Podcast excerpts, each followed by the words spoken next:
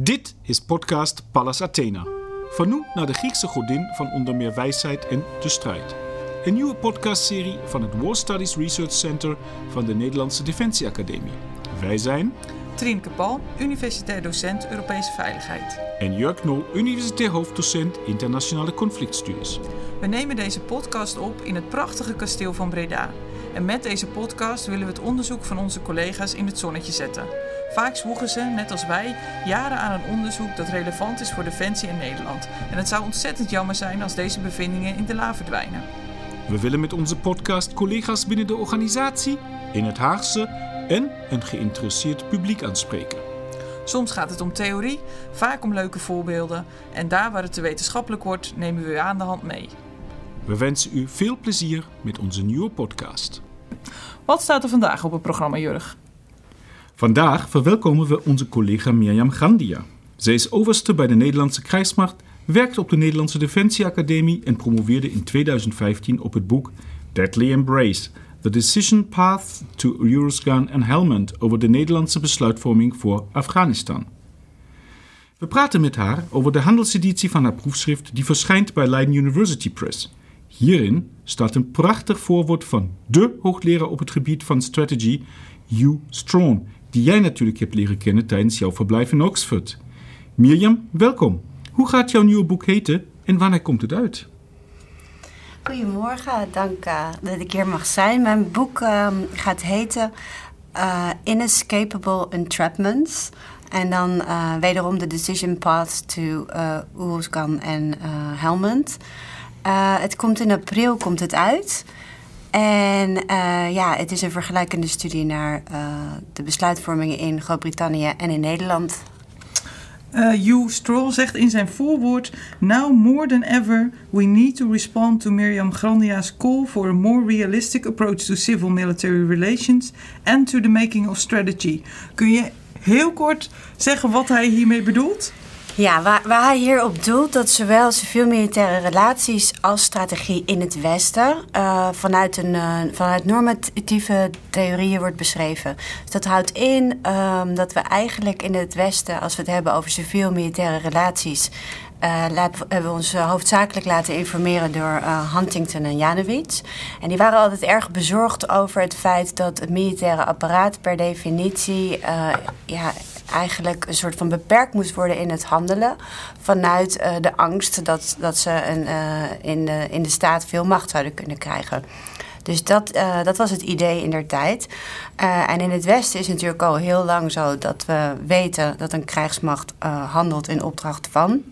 En in die zin nooit de echte besluiten over de inzet van een krijgsmacht zou kunnen of moeten nemen. Echter, uh, hoe dat is ontwikkeld door de tijd heen, zou je je kunnen afvragen of we niet meer toe zouden moeten naar een dialoog tussen militairen uh, en de politieke top. En dat is tevens het bruggetje naar strategie. Strategie, dus ook primair zou dat uh, eigenlijk uh, ontworpen moeten worden door de politieke top. Maar hoe beter de politieke top en de militaire top met elkaar spreken, hoe beter de strategie voor een inzet wordt. Ik heb natuurlijk uh, net al verteld dat jij in Oxford verbleef. Daar heb je op het einde van het proefschrifttraject, aan, aan de eindversie van je proefschrift gewerkt natuurlijk. Maar ik wil je toch eventjes vragen ons iets meer te vertellen over het begin. Wat was eigenlijk de aanleiding voor jouw onderzoek? De aanleiding voor mijn onderzoek was eigenlijk dat ik uh, na uh, twee uitzendingen in Afghanistan zat ik daar. En ik heb na mijn eerste uitzending ben ik gaan ja, nog een extra studie gaan doen, politieke wetenschappen. Omdat ik me verbaasde over alles wat ik daar zag.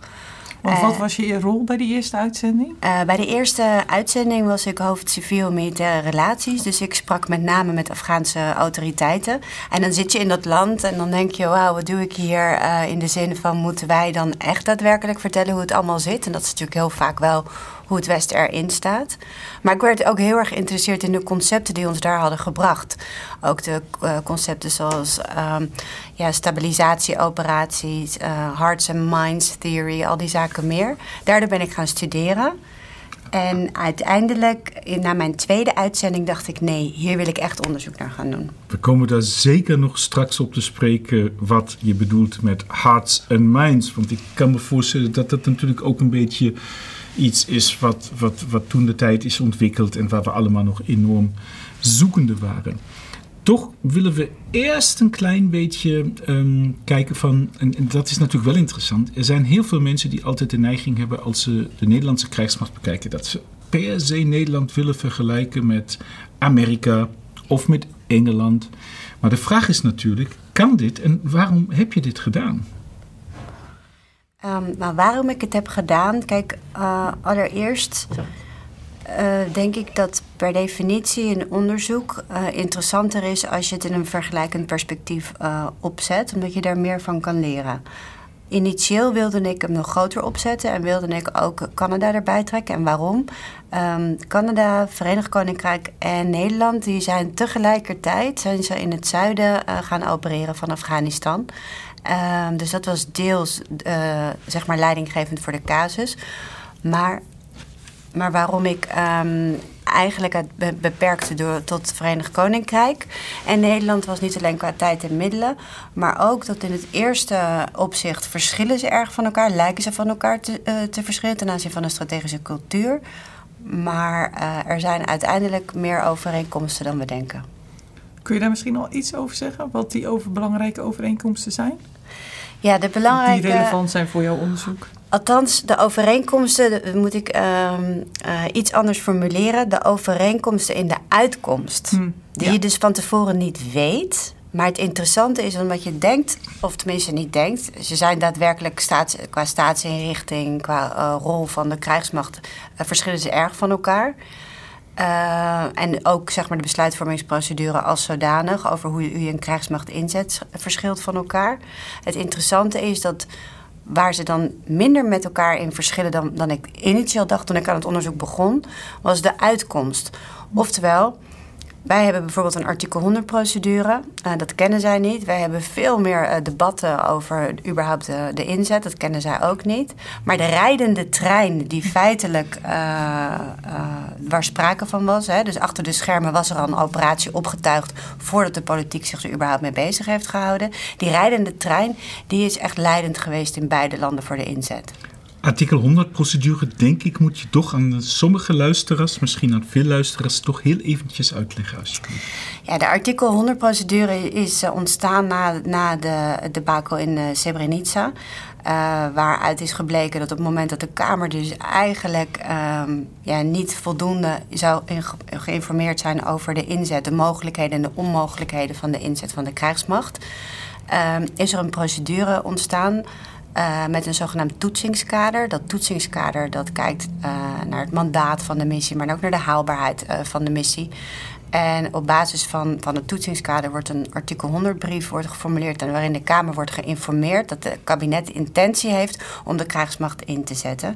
Hoewel het de Tweede Kamer geen formeel instemmingsrecht heeft, hebben ze dat informeel wel. En het interessante van Nederland is dat in de laatste jaren dat informele karakter feitelijk een veel meer formeel karakter heeft gekregen.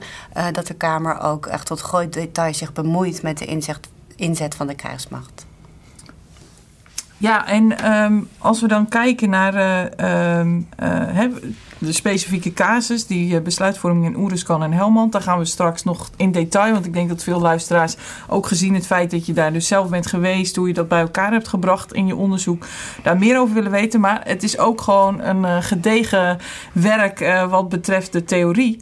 en theorie is natuurlijk cruciaal om ook, de, het is de bril waarmee je kijkt, die je helpt om te kijken. Uh, maar zeker besluitvorming als het gaat om uh, militaire inzet. Je geeft ook zelf aan, de politiek was eigenlijk vrij laat betrokken. Er was al van alles gebeurd. Dat is dus meer achter de schermen, uh, achter gesloten deuren. Mm. Dus kun je iets over zeggen hoe je dat complexe besluitvormingsproces hebt geanalyseerd? Hoe je die toegang hebt gekregen en die informatie boven tafel hebt weten te krijgen? Ja, ik, heb, uh, ik verkeer als militair onderzoeker in, een bevoorrechte positie. Uh, dat ik niet alleen vrij makkelijk toegang heb tot uh, in ieder geval de militaire top. zowel in Nederland, maar in Groot-Brittannië ging dat eigenlijk ook heel makkelijk. Dat had ook te, te maken met een deel vertrouwen, een deel um, gemeenschappelijk referentiekader. Dat je met elkaar heb je daar gezeten, je weet met elkaar waar je het over hebt. Dat schept dat vertrouwen en dat praat makkelijker. Um, dat resulteerde in ja, heel veel interviews, bij ja, meer dan 100. Um, maar goed, interviews zijn natuurlijk uh, tot op grotere, grote hoogte subjectief. Dus ik had natuurlijk wel uh, om um, dat te kunnen toetsen toegang nodig tot, tot archieven.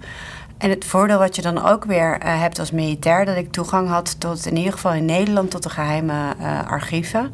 Die kan je natuurlijk niet één op één opvoeren, maar je kan dan wel gaan toetsen of hetgeen wat er wordt gezegd, of dat ook zo in, uh, in de archiefstukken staat. Maar die archiefstukken heb ik nog op een andere manier gebruikt. Namelijk als ik daar zaken zag die niet terugkwamen, ging ik in die semi-gestructureerde onder, sorry, interviews, ging ik daar wel op in om mensen ook weer een beetje op weg te helpen van... goh, kunt u zich dit nog herinneren of dat? Uh, nou, dan heb ik natuurlijk in Groot-Brittannië geen toegang gehad tot uh, geheime archieven. Echter, in Groot-Brittannië kennen ze de zogenaamde Chilcot Inquiries. Die gaan tot in grote detail. Zijn daar alle mensen die betrokken zijn geweest bij de besluitvorming voor Irak en het begin van Afghanistan. Het was om en nabij dezelfde tijd. Toen ze uit Irak weggingen, gingen ze naar Afghanistan dat zijn echt werkelijk waar een van de meest prachtige interviews. Omdat het gewoon bijna onderzoeksjournalistiek was hoe die mensen zijn geïnterviewd. En alles daarvan was getranscribeerd en was uh, publiekelijk toegankelijk. Uh, en daarnaast hebben veel uh, mensen die hebben meegewerkt aan het onderzoek qua interview, maar ook nog eens een keer toegang gegeven in hun persoonlijke notities.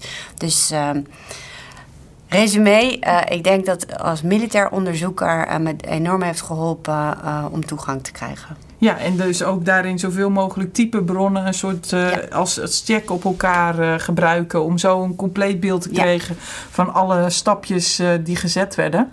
Um, ja, dan nu toch het, de theorie. Ja. Um, kun je misschien zelf even kort het kader schetsen van um, ja, wat is je theoretische bril geweest? Nou, allereerst ben ik natuurlijk uh, gaan kijken naar uh, strategie en civiel-militaire relaties als zijn de normatieve theorieën die leidend zijn als we het hebben over de inzet van een krijgsmacht, dus de inzet van een missie. Echter, uh, wat ik ook altijd zelf persoonlijk als onderzoeker, zeg maar, mijn persoonlijke bril, en die heeft ook natuurlijk voor een groot deel geïnformeerd hoe ik überhaupt naar die normatieve theorieën en het gebruik ervan heb gekeken, is dat ik um, altijd kijk naar wat ze noemen de social construction of reality. Dus een constructivistische bril. Nou, wat is die constructivistische bril dan? Uh, dat gaat erom dat uh, alles is een construct in de zin van op verschillende niveaus. Hè, dus het niveau van het individu, maar ook van de maatschappij, de staat. En in dit geval ook bijvoorbeeld de NAVO, het construct de NAVO, de, de images waar we mee werken, de taal die we bezigen. En als je dan kijkt naar concepten ook zoals stabilisatieoperaties, dat is een taal. Bijna met eigen codes, geïnformeerd door primair westerse perspectieven. En dan uh, als we ook kijken naar strategie en civiel-militaire relaties zoals wij die hier uh, behandelen en toepassen, zijn ook westerse toepassingen. Um, maar dat is wel leidend en dat is vaak ook dat men ook, men, dat bedoel ik de politieke elite, uh, daar ook daadwerkelijk in gelooft als zijnde de enige en juiste mogelijkheid waarop uh, een krijgsmacht ingezet zou moeten worden. Dus dat zijn de theorieën die ik bij elkaar heb gebracht en uh, samen heb gebracht in mijn onderzoek.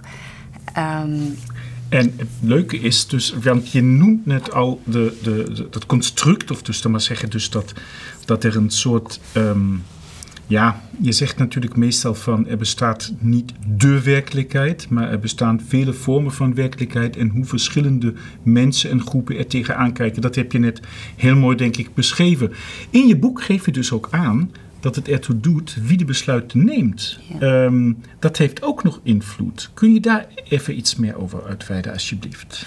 Ja, dat heeft zeker heel veel invloed. En ik heb me daar enorm uh, door uh, laten helpen door een model van Margaret Herman. Margaret Herman is een. Um, een psycholoog. Ze heeft enorm veel onderzoek gedaan binnen Foreign Policy Analysis uh, naar decision makers, het type decision maker. Maar niet alleen op individueel niveau, ook zeg maar de configuratie van een decision unit. En als je dat dan betrekt op mijn onderzoek, heb je gedurende de, de tijd in de besluitvorming heb je zogenaamde verschillende decision units. Dus initieel is dat een klein groepje mensen wat is gaat nadenken over een missie. Als je dan de Nederlandse casus neemt, gaat die vervolgens um, is er een groep die die brief gaat samenstellen voor het, voor, uh, het parlement. Dan in het parlement zijn er verschillende actoren. En gedurende die hele besluitvorming heb je ook nog allerlei invloeden van de NAVO, van de Verenigde Staten. En het interessante van haar model is dat ze dus laat zien dat die, dat die besluit, die, zeg maar die decision units gedurende de tijd veranderen. Dus de agency, feitelijk de macht om zaken voor, elkaar te krijgen, verandert daarmee ook. En het interessante daaraan is dat je dus. Ehm, wat we eigenlijk in de politieke wetenschappen al, al heel lang weten, de internationale betrekkingen, dat besluitvorming niet een lineair proces is, maar eigenlijk een, een, een dynamisch proces wat continu uh, uh, heen en weer gaat. Dat geeft zij heel mooi weer. En wat ze dan laat zien, dat binnen die decision units maakt het heel erg uit wat voor een type mensen daar zitten. En dat is dan weer het psychologische component. Charisma wat mensen hebben. De taal die mensen spreken. En bedoel ik niet letterlijk de taal, maar de taal qua beelden. Kan je beeldend spreken? Kan je zaken, ben je overtuigend? En wat dan als laatste ook erg belangrijk is, zijn er dan binnen die verschillende elites, die politieke militaire elites, ook mensen die elkaars taal verstaan. En als dat zo is, dan heeft dat een onwaarschijnlijke grote impact op, uh, op de besluitvorming. En als je dan uh, uh, toch even, eventjes kijkt naar, jou, naar jouw onderzoek. als je dan nu terugkijkt op die theorie, hè, wat heeft bijvoorbeeld, als we specifiek naar die Nederlandse casus kijken, wat betreft de rol van de leiders, de groep, de coalitie, die specifieke kanten, wat is je dan opgevallen? Wat is opvallend? Uh, wat opvallend is, is dat eigenlijk een van de grootste initiatoren achter de schermen van het initiële idee. Hij was niet bij machten om het, om het helemaal uit te voeren, maar van het initiële idee was een militair. Maar ook een militair die niet op het allerhoogste niveau diende. Dus hij werkte wel op het ministerie. Het was de generaal uh, Koblenz. Hij was directeur operatie. Uh, maar daarboven zit nog een chef defensiestaf. En daarboven zit natuurlijk nog een minister. Uh, deze man was. Um, uh, of is uh, erg charismatisch, maar heeft ook een bepaalde dominante persoonlijkheid in de zin hij weet heel goed wat hij wil. Maar hij weet ook in termen van zijn omgeving heel goed te bepalen welke actoren hij nog meer nodig heeft. Wat dan in wat dat betreft van belang is dat hij op zijn eigen niveau contact is gaan zoeken met mensen binnen buitenlandse zaken, ook met de directeur politieke zaken. En feitelijk al eens met elkaar zijn gaan brainstormen wat is mogelijk en wat is onmogelijk. Nederland doet mee aan de internationale missie. Niet alleen omdat ze dat stukje Oeruzgan, waar ze van het begin niet eens weten dat ze naartoe gaan, te helpen verbeteren. Maar dat je als gemeenschap zegt: kijk, we doen de leuke dingen met elkaar, we verdienen geld aan elkaar, maar de nare dingen moeten we ook doen. We moeten de internationale rechtsorde, staat in onze grondwet, moeten wij, moeten wij iets aan doen. En dan vind ik het erg moeilijk om te zeggen van, nou, we zijn naar Oeruzgan geweest, een klein postzegeltje. En uh, wat hebben we nou voor verschil gemaakt? Dat verschil begon al door deel te nemen aan die missie met andere landen. Dat je daar solidair samen wat aan doet. Met als hoofddoelstelling die rottigheid niet in je eigen land te halen. Deze mensen, en dat is ook een bekend fenomeen binnen de studie naar politieke uh, elites, die komen elkaar ook op andere manieren tegen. Niet alleen in formele overleggen, maar ook bijvoorbeeld op de, op de golfbaan, uh, bij een borrel, bij een receptie. Dus in termen van het bezigen van een gemeenschappelijke taal hebben die dat eigenlijk uh, al. En dan is het dus in Nederlandse casus heel interessant om te zien dat die directeur operatieën met zijn counterpart van buitenlandse zaken een gemeenschappelijke window of opportunity hadden. Niet noodzakelijkerwijs met dezelfde doelen, maar ze konden het wel met elkaar onder één gemeenschappelijk doel uh, scharen. En zo is die trein eigenlijk gaan lopen. Met windows of opportunity bedoel je dat er een moment was dat men heeft gegrepen als, als leider of besluitvormer om daadwerkelijk een besluit door te voeren. Uh, ik denk dat dit wat je nu hebt beschreven natuurlijk al eigenlijk een beetje de kern van jouw onderzoek is. En we gaan daar zeker ook heel graag straks nog iets dieper op induiken. Maar eerlijk is eerlijk, het is toch weer 16 jaar geleden mm -hmm. dat we naar Oeruzkan uh, uh, vertrokken. En misschien is het wel heel eventjes leuk als je, als je de luisteraar en ons eventjes meeneemt weer terug naar, naar die plek, Oeruzgan en Helmand, die natuurlijk voor heel veel mensen ondanks al die beelden die we hebben gezien, toch een beetje op afstand waren. Ja. Nou ja, Nederland is, is feitelijk al sinds 2001 actief in Afghanistan. Telkens in uh, different forms and shapes, so to say. Dus uh, eerst met, met Special Forces, uh, daarna naar Kabul, we zijn naar het noorden gegaan. Maar in 2005 werd bekend dat de NAVO zogenaamd counterclockwise wilde ze het operatiegebied in Afghanistan over gaan nemen van de Amerikanen van Operation Enduring Freedom, een counterterrorism operatie. Dat hield concreet in dat de NAVO haar territorium in termen van uh, operaties zou gaan uitbreiden naar het zuiden. Uh, en dat wist men, hè, dat dat langzaam zou gaan gebeuren. Alleen wie dat dan zou gaan doen en wanneer was nog, uh, was nog niet bekend. Wat we wel wisten is dat uh, de Taliban uh, hoofdzakelijk nog opereerde in het zuiden. Uh, de provincie Kandahar naast Uruzgan was, eigenlijk het strategisch zwaartepunt van de, van de Taliban. Daar kwamen ze vandaan. De provincie Helmand, waar de Britten naartoe zijn gegaan, was een, een gebied of is een gebied waar heel veel drugshandel was. Grote, grote opiumvelden. En Uruzgan was um, eigenlijk ook de geboorteplaats van de Taliban. En um, ja, Nederland heeft zich samen met Engeland en Cana of, uh, sorry, de Canadezen opgeworpen om uh, daar naartoe te gaan en haar troepen bij te gaan dragen aan de zogenaamde stabilisatie. Het idee van de NAVO was dus niet langer uh, counterterrorism operaties van de Amerikanen uit te voeren, maar daadwerkelijk het gebied te gaan stabiliseren in de hoop dat op die manier de Taliban uh, minder macht uh, zou krijgen en uh, uiteindelijk minder effectief zouden zijn in hun operaties. Nou, dan de politieke besluitvorming in Nederland. Uiteindelijk wordt het besluit genomen. 1200 troepen, een budget van 320 miljoen. twee jaar, doel stabiliteit in Oeruzkan. Um, nou, en dat is dus waar uh, het hoofdstuk over Nederland in ieder geval over gaat. Hoe uh, is Nederland tot dat besluit gekomen? Je hebt het al over een paar sleutelfiguren gehad. Maar kun je ons gewoon eens even meenemen op basis van die 100 interviews, die archiefstukken? Wat is hier het uh, verhaal?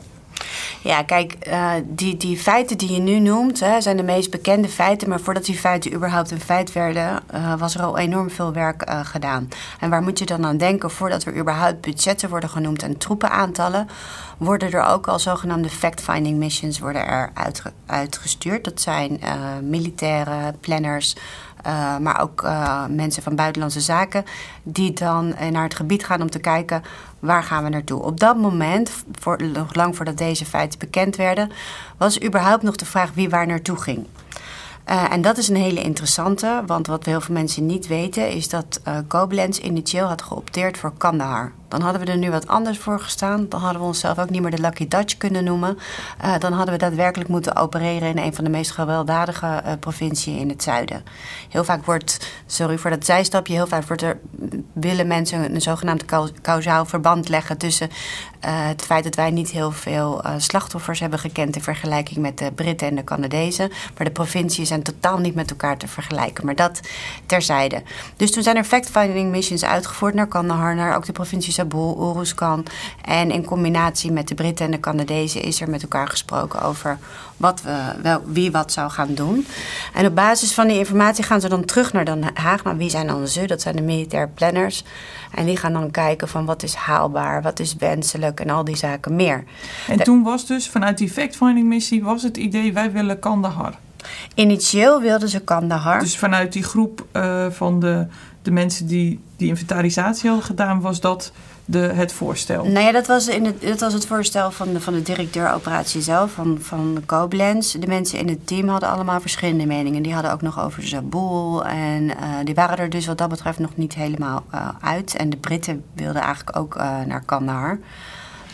Um, Echter, toen de discussie in Nederland werd gevoerd, en dus ook onderling met de landen wie wat uh, ging doen, was het van belang. Um, eigenlijk hebben de Britten daarin de richting gegeven. Want wat bleek, de Canadezen die hadden namelijk al mensen zitten in Kandahar en die zeiden we willen hier blijven. En de Britten wilden voorkomen dat zij de leading nation zouden zijn in het zuiden, omdat ze in Irak ehm, minder succes hadden geboekt dan ze dachten.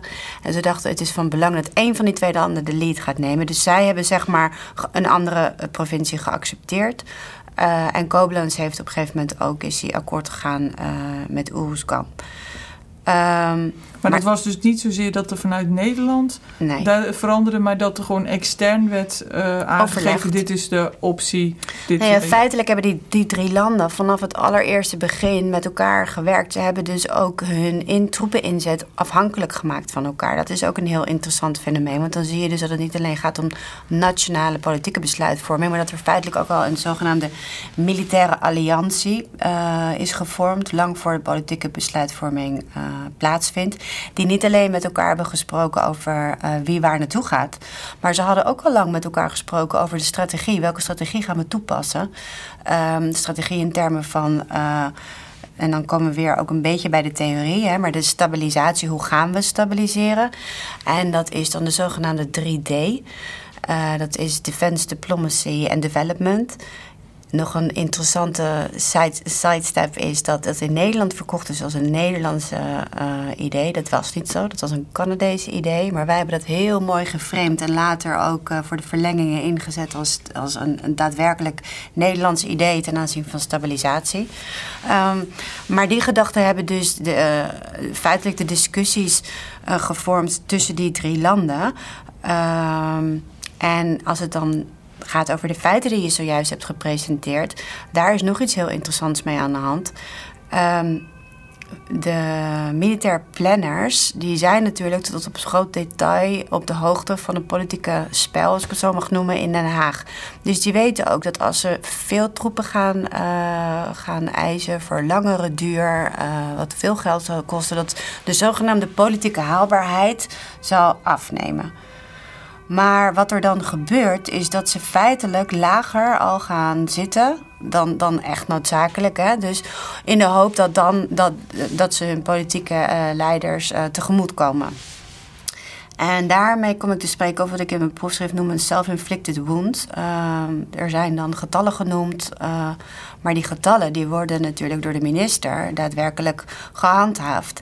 En uiteindelijk krijg je dan het spanningsveld tussen de mannen en vrouwen die die planning hebben gedaan en gedacht van nou, zo'n uh, aantal is haalbaar hè, qua troepenhoeveelheden. Uh, maar de mensen die het moeten gaan doen, de initiële taskforce die er naartoe gaat, die hadden daar echt problemen mee. En die zijn vervolgens gaan proberen om dat troepenaantal weer omhoog te krijgen.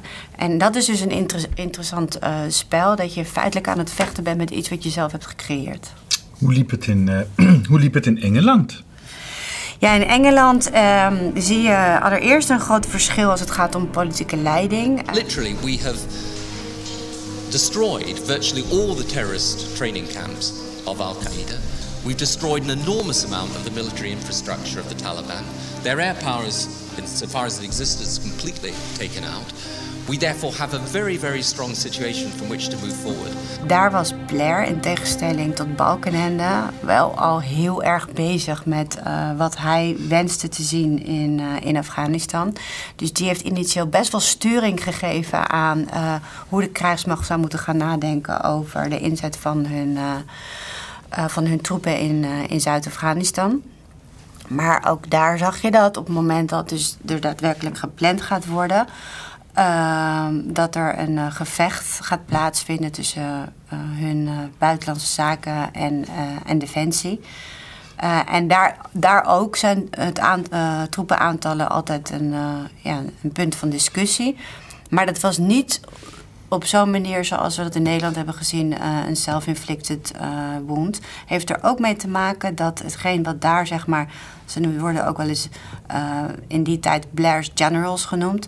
Uh, die hebben wat dat betreft veel meer handelingsvrijheid dan, uh, dan wij dat kennen. En nogmaals, die kennen dus ook geen toetsingskader en geen artikel 100 brief. Dus dat is allemaal iets, iets vager om te achterhalen dan, dan bij ons. Volgens mij was het nog eens een leuke publicatie, ook ik dacht van Chatham House. Uh, Blair's Generals. Ik weet het niet helemaal ja. zeker meer. Ja. Maar ik wil toch nog heel eventjes terug naar dat overleg. Want, want dat is natuurlijk super interessant dat je zei dat in een vroeg stadium zowel de Canadezen als de Engelsen als de Nederlanders goed overleg hebben gehad. En, en wat dan meteen bij mij opkomt, is dit een geïnstitutionaliseerd overleg? Um, um, of was dit omdat men elkaar opzocht, bewust opzocht, omdat men elkaar vertrouwde, omdat men elkaar kende? Ben je daar iets te weten gekomen? Ja, het was helemaal niet geïnstitutionaliseerd. Het is natuurlijk wel zo dat we binnen de NAVO een aantal landen kennen die een soort van wat we noemen like-minded nations zijn. En daar de Britten en de Canadezen en de Nederlanders zijn wel zogenaamde like-minded nations. In Nederland hebben we natuurlijk ook onze krijgsmacht grote uh, samenwerkingsverbanden met de Britten. Uh, en de Canadezen lijken qua strategische cultuur weer heel erg op ons. Maar het was niet geïnstitutionaliseerd. Uh, deze mensen kwamen elkaar in verschillende verbanden al tegen.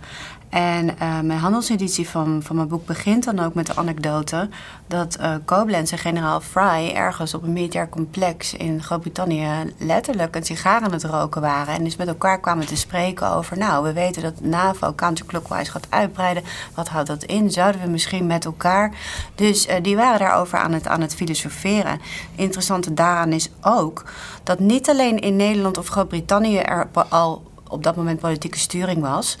Um, maar zelfs Sakeur, de hoogste militaire baas uh, van de NAVO, die uh, was ook verrast toen er een aantal maanden later een heel gedetailleerd uitgewerkt plan lag hoe deze drie landen uh, in Zuid-Afghanistan zouden komen te opereren. Want we kennen binnen de NAVO wat we noemen een Force Generation Process. Dan gaan landen bieden. En dan heeft Sakeur enig idee wat er gaat gebeuren. Maar eigenlijk was lang voor dit proces hadden die, die drie uh, mannen eigenlijk al met elkaar dat besloten. Dus nee, niet geïnstitutionaliseerd. En ook dat is, is iets interessants wat we ook kennen uit de literatuur. En wat ook nog meer aandacht verdient. Ik denk dat ook steeds meer mensen er onderzoek naar gaan doen. Dat noemen ze de informal action channels. Informal action channels heb je niet alleen natuurlijk in, binnen militaire organisaties, internationaal, maar uh, kennen we ook bij uh, uh, grote bedrijven of bij politici. Maar die informal action channels zijn dus niet geïnstitutionaliseerd en, en zijn afhankelijk van wie je kent en hoe je elkaar vertrouwt. En ja dat is wat er is gebeurd. Ja, dus we hebben het nu eventjes ook over die informele processen gehad. En vooral aan de voorkant. Maar uiteindelijk wordt het natuurlijk ook een politiek proces. Komt het in het parlement. Ja. Uh, kun je daar misschien nog iets over zeggen? Uh, hoe hoe, hoe ja. je naar die, dat deel van de besluitvorming hebt gekeken? Ja, nou ja, dat, dat is natuurlijk veel prominenter geweest in Nederland dan ja. in Engeland. Maar wat ik persoonlijk heel interessant vind in Nederland... en dat is niet uniek voor deze uh, casus... Dat, is, dat zien we gebeuren bij feitelijk elke militaire missie... dat de vraag, eigenlijk de verantwoordelijkheid van de politici... is om aan de voorkant te kijken naar uh, waarom we zouden moeten gaan. Oftewel, zouden we moeten gaan? Dat is een vraag die de politieke uh, verantwoordelijkheid behelst. En vervolgens is de, de hoe-vraag is eigenlijk een militaire verantwoordelijkheid. Weliswaar in dialoog met, maar... En het interessante is dat heel vaak in Nederland... zowel de, de politici, uh, dus bedoel ik de, de minister in het kabinet... als de Kamer houdt zich hoofdzakelijk bezig met de hoe-vraag. Uh, en dan wordt die waarom-vraag wordt onvoldoende bediscussieerd. Uh, en vandaar dat er dan een mogelijkheid ontstaat dat men op een rijdende trein stapt. Maar als je dus je politieke verantwoordelijkheid neemt om door, eerst te beginnen over die hoe-vraag. Uh, dan geef je ook daadwerkelijk antwoord op waarom je als staat je krijgsmacht inzet voor het behalen van een bepaald doel. Dat is de vraag van strategie. Nou ja, en, en ik wou net zeggen, onze gewaardeerde uh, collega Isabel Duivenstein, die uh, als, als hoogleraar jou in, in Leiden jouw promotor is, precies, die spreekt inderdaad van strategisch analfabetisme. Met mm -hmm. andere woorden, dat uh, Nederland eigenlijk helemaal ongeletterd is als het gaat om na te denken of waarom heb ik eigenlijk een krijgsmacht, waarom is die op aarde en wat ga ik daarmee doen. Maar is dit daadwerkelijk zo'n probleem? Nou, dat is een interessante vraag. Kijk, het is een probleem op het moment dat je gelooft in de haalbaarheid van de norm, zoals gesteld door uh, in de literatuur op het gebied van strategie. En die norm is dat het dus allemaal heel goed uitgewerkt moet zijn van tevoren. En dat het al die doelen moeten, moeten duidelijk zijn. En het weg naar het, behoud, uh, uh, het halen van die doelen moeten duidelijk zijn uitgestippeld. Er zijn alleen een aantal paradoxen en een aantal uh, zaken waarvan je je kan afvragen of die norm überhaupt haalbaar is. Om te beginnen ehm, is het maar de vraag of je van tevoren uh, als, uh, als politieke, uh, als, als poli dat, of politici überhaupt een, een, een goed idee hebben over de mogelijkheden van de inzet van hun krijgsmacht. Nou, om terug te komen op strategische illiteracy, daar zouden ze in getraind kunnen worden. Want ik denk dat wel, wel dat dat een, een, een groot probleem is echter in het ontwikkelen van strategie zijn er een aantal zaken um, die, zoals wij dat noemen, dat noem ik ook in mijn proefschriften, noemen we een soort van emergent zijn. Die, die ga je gedurende het moment, ook door die fact-findingsmissie, wordt uh, dat uh, duidelijk. Uh, emergent, daarmee bedoel je? Nou, emergent is dat het dus niet zeg maar uh, van tevoren al, al helemaal is vastgesteld, maar dat je bij wijze van spreken, een voorbeeld te noemen, dat je als politici zegt van kijk, we willen die krijgsmacht inzetten uh, om uh, de, de, uh, dat gebied te stabiliseren op de volgende manieren. Maar dat je accepteert dat voordat je die strategie helemaal voldoende hebt uitgewerkt, dat je dus de mensen de kans geeft hè, die ermee aan de slag moeten om eerst wat zaken te achterhalen. Dus dan kom ik eigenlijk weer terug op waar ik mee begon in het begin van dit gesprek. Dat hangt heel erg af van de kwaliteit van de zogenaamde dialoog tussen de militaire top en de politieke top. Als je dat, de acceptatie dat je dat samen moet gaan doen. Dus die enorme scheidslijn, dat het eerst politici zijn en dan militairen, is naar mijn mening per definitie problematisch. Um, waardoor ik persoonlijk denk dat het stellen dat er een, een, een, probleem is ten aanzien van formuleren van strategie, is aan de ene kant waar. Maar aan de andere kant moet je je afvragen of die norm die wordt gesteld überhaupt haalbaar is. En mijn aanbeveling is dan dat je dus veel meer moet gaan sturen op een constructieve, kwalitatieve, goede dialoog tussen politieke top en militaire top, die elkaar vertrouwen en willen informeren. Uh, dan dat je die, die, die lijn heel sterk houdt. Dat eerst gaan de politici het uitwerken en dan gaan de militairen aan de slag. Ja, want kun je daar misschien. Uh, we zitten nu eigenlijk al een beetje op wat goede advies. Ik hoorde het ook al. Uh, eerder had je het al over het, Europe of, over het, over het parlement. Dat die. Um, uh, nou ja, te veel op de hoe-vraag focust en te weinig op de waarom. Nou, dit is natuurlijk ook echt een, een heel belangrijk punt. Heb je ook nog iets concreter ideeën over hoe dat zou kunnen? Hoe zou, hoe zou die politieke en militaire top beter zijn? Wat zijn manieren om hen te helpen dat uh, beter te doen? Ja, dat is een goede vraag, omdat heel veel van dit soort kwesties hebben te maken met vertrouwen. Uh, en je kan wel zeggen dat men elkaar moet vertrouwen, maar dat is dus weer, komen we ook terug naar bij Koblenz. Het heeft te maken met in hoeverre mensen dan überhaupt een klik uh, hebben met elkaar. Uh, en die klik is enorm leidend. en deels kan je dat ondervangen natuurlijk om te, om te zorgen dat ehm, dat mensen zo nu en dan gezamenlijk opleidingen volgen of cursussen. Maar je kan het ook, wat, wat, wat jij al noemde eerder, Jurk, ook een soort van institutionaliseren. Dat je bepaalde fora hebt waarbij je elkaar tegenkomt. Tot op zekere hoogte hebben we dan uh, zoiets momenteel, dat heet de stuurgroep militaire operatie. Dus daar komen ze elkaar al uh, tegen. Maar in essentie um, verandert dat nog niet altijd wat naar hoe mensen naar elkaar uh, kijken. En uh, er is nog een ander probleem waarvan ik persoonlijk niet gelijk ook de oplossingen daarvoor heb. Want dat is inherent aan ons politieke systeem. Politici uh, en onze ministers zijn er voor vier jaar. Uh, en in die vier jaar is het heel moeilijk om op de lange termijn uh, te kijken. Er zijn, er zijn natuurlijk wel manieren. Je kan ook met elkaar gaan nadenken over dat er lange termijn uh, visies en strategieën worden ontwikkeld. Maar het is nog maar de vraag of mensen binnen die vier jaar daadwerkelijk ook verantwoordelijk willen worden gesteld voor wat er gebeurt. Oftewel, die zogenaamde strategische vaagheid is ook, dient ook een politiek doel. Hoe concreter je wordt, uh, hoe makkelijker het is om daarop afgerekend te worden. Dus hoe vager het is, hoe makkelijker het is om je daarbinnen te bewegen en nog steeds te kunnen zeggen dat het goed is geweest wat je, wat je hebt gedaan. Hebben er alleen maar politici last van? Want eerlijk is eerlijk, de topmilitairen blijven ook vaak niet langer dan twee, drie jaar op een plek zitten. En vaak um, gaan zij natuurlijk ook, springen ze soms tussen de meest gekke uh, uh, posities die ze bekleden. Dat klopt, alleen met die verstanden dat militairen, dus de planners, de, besluitvormers, zijn allemaal op dezelfde manier getraind en opgeleid. En als je het dan hebt over de inzet van de krijgsmacht, heb je natuurlijk wel per planner of per besluitvormer subtiele verschillen in hoe ze dat doen.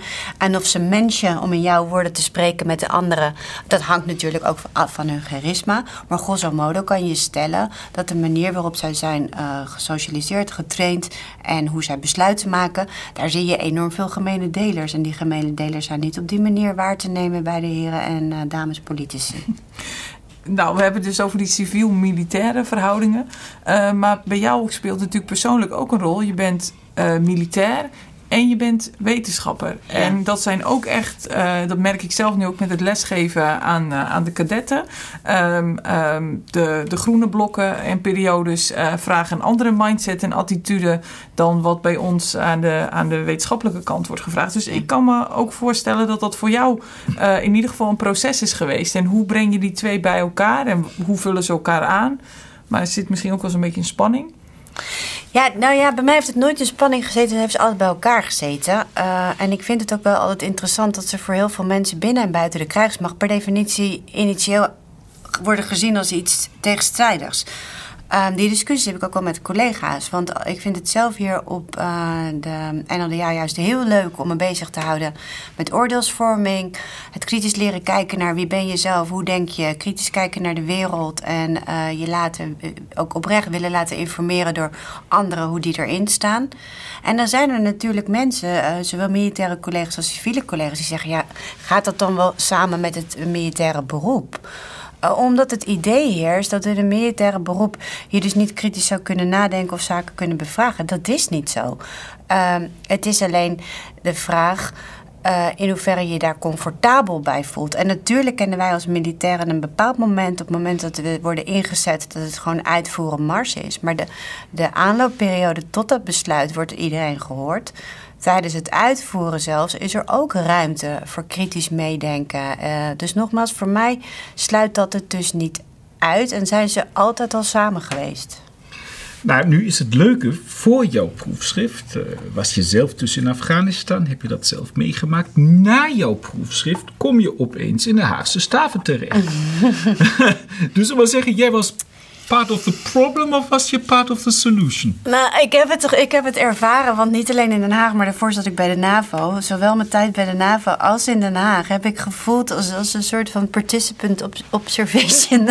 Oftewel, uh, daar, daar zat ik dus wel. Aan de ene kant zit je daar als militair. Ik zou niet willen zeggen part of the problem, maar je, je maakt deel uit van, van, het, van, van het Haagse, om het zo maar te zeggen. En aan de andere kant, door de inzichten die ik had opgedaan met mijn proefschrift, zag ik opeens dingen waarvan ik dacht: wauw, weet je, ze zijn, ze, zijn, ze zijn er gewoon. Maar dat is zo leuk omdat je ze kan duiden. En het andere voordeel is, je kan erop anticiperen. Je kan je kennis dus inzetten om bepaalde stapjes uh, al vooruit te zijn. Of uh, bijvoorbeeld in het Haagse moest ik vaak samenwerken met buitenlandse zaken. Uh, dat het juist leuk is om die gemeenschappelijke taal met elkaar te spreken. En dus te realiseren dat als je het met elkaar doet, ja, kom je natuurlijk veel verder. Dus. Um, ja, part of the problem zou ik willen zeggen, maar tegelijkertijd part of the solution. Ik hoor hier ook wel echt een heel warm pleidooi voor uh, militairen om uh, toch die stap ook gewoon te zetten naar een promotieonderzoek als ze de kans krijgen. Omdat het je dus ook in je latere functies in de organisatie uh, ook gewoon ja. weer heel erg helpt. Um, dit project is nu een soort van klaar ja. um, en afgerond. Um, ja. Ben je alweer met een uh, nieuw onderzoeksproject bezig? Ja, ik heb me nu gestort op uh, het uh, onderzoek naar militaire diplomatie. En dat is aan de ene kant wetenschappelijk onderzoek om het domein te positioneren, beter te positioneren binnen security studies. maar het heeft ook een hele toegepaste kant. Want er is namelijk in Den Haag behoefte aan het verder uitwerken van militaire diplomatie als capaciteit voor defensie, als handelingsoptie. dus daar doen we ook onderzoek naar. We hebben een, een definitie definitie ontwikkeld met elkaar. Op basis van die definitie gaan we nu competenties en vaardigheden destilleren. maar we gaan er ook onderzoek voor, sorry, onderwijs voor ontwikkelen initieel eerst online, maar hopelijk wordt het een doorlopende leerlijn. Waarom? Omdat we zien dat in wat wij noemen informatiegestuurd optreden. Dus het gaat vandaag de dag veel meer over wat wij in onze doctrines kennen als het cognitieve domein. Uh, de realisatie wat het cognitieve domein is en je eigen rol daarin. Uh, en dan militaire diplomatie is daar dan slechts één aspect van. Uh, ja, die zaadjes willen we al planten in de initiële opleiding, in de bachelor. Dus uh, ook daar komen mijn twee petten weer samen. Aan de ene kant het wetenschappelijk onderzoek, maar ook waar ik gewoon heel blij van word, is ook de toegepaste kant. Dat je ook het gevoel hebt dat hetgeen wat we onderzoeken, dat het de inzet van onze collega's kan helpen. Is er nog iets dat je graag met de luisteraars wil delen dat wij aan jou nog niet hebben gevraagd? Oeh. Um, nou, misschien zou ik nog wel even stil willen staan um, bij wat Trineke net al eerder zei, waarvan ik denk dat we misschien nog wel één ding over kunnen zeggen. Uh, en dat is de zogenaamde officer uh, thinking soldier uh, en het pad wat je zou kunnen belopen naar officer scholar, dus ofwel promoveren. Initieel worden mensen niet heel enthousiast van onderzoek. Um, maar ik denk dat het heel erg van belang is dat de zogenaamde military practitioners um, zich ook laten enthousiasmeren voor wetenschappelijk onderzoek.